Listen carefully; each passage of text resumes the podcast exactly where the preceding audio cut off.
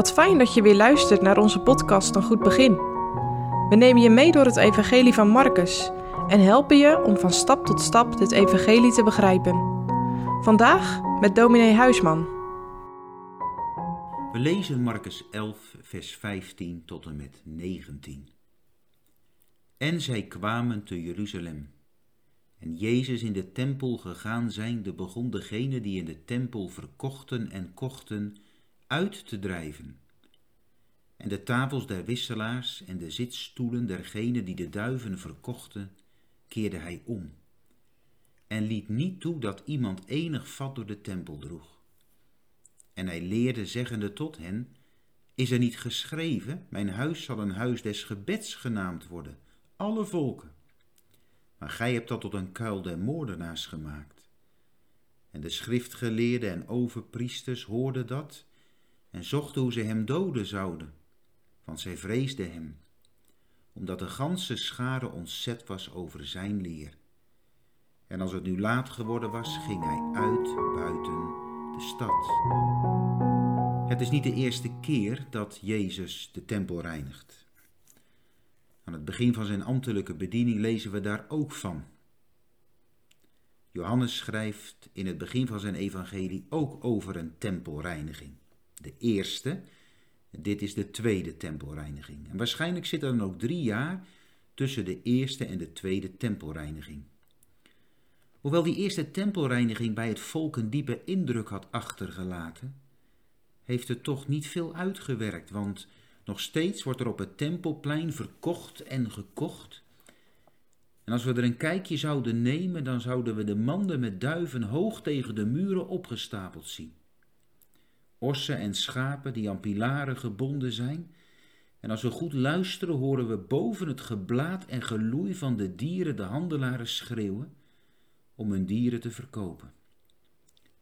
Het is een drukte van belang, een lawaai van je welste. En tussen al die mensen staat Jezus. Wat ziet hij? Wat treft hij daar aan op het tempelplein? Overal schijn in plaats van wezen overal een naderen tot God met de lippen, maar het hart blijft ver bij God vandaan. Veel offers die uit sleur en gewoonte worden gebracht, zonder enige indruk van Gods heilige dienst. Is ook wel een les voor ons. Want hoe is dat eigenlijk bij ons? Hoe is ons hart onder het woord? Hoe is ons hart onder de prediking van het woord? Zijn we misschien al bezig met de dingen van morgen? Zodat we van de preek niet veel horen. Dan is het bij ons ook een huis van koophandel geworden. Heilig is de verontwaardiging van Jezus. Leert van mij dat ik zachtmoedig ben, maar hier brandt vuur, vuur van ijver voor het huis van zijn vader.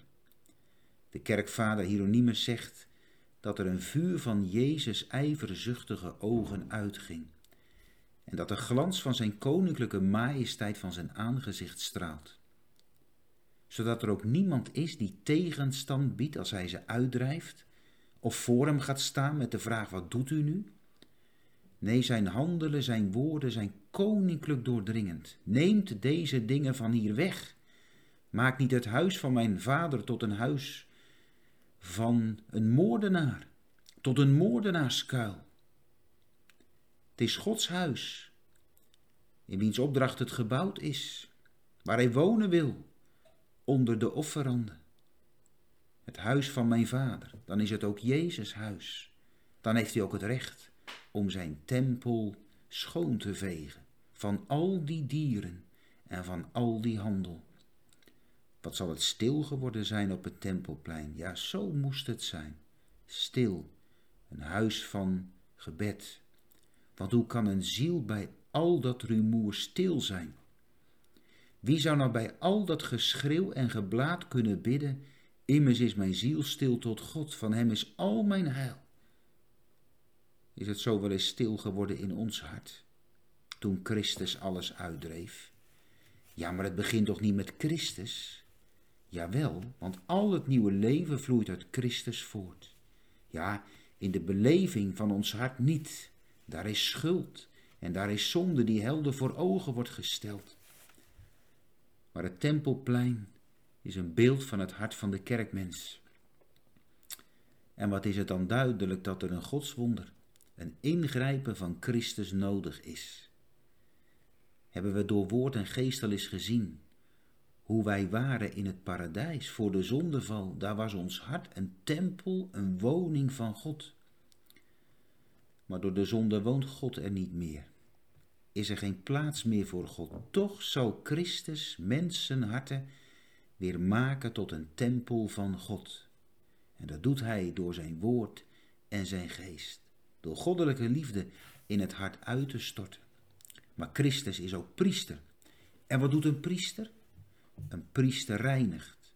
Immers weten we van de hoge priester dat er op zijn voorhoofd een plaat was waarop stond de heiligheid des Heren. En Christus als priester strijdt in het hart tegen alle onreinheid. En dat blijft hij doen, ook na ontvangen genade. Want als God in het leven komt, verandert er veel, wordt er heel veel uit het hart gedreven door goddelijke kracht. De liefde Gods die in het hart wordt uitgestort. En dat geeft ook dat we willen doen wat God van ons vraagt. Dat is ook in het dagelijks leven zo. Als je een jongen of meisje lief hebt, dan wil je graag doen wat hij wil. En zo is het ook hier. Als Christus alles uitgedreven heeft, dan is het toch in ons hart. Wat wilt gij dat ik doen zal? En dan is de vraag, is Christus als koning en priester al in je hart aan het werk?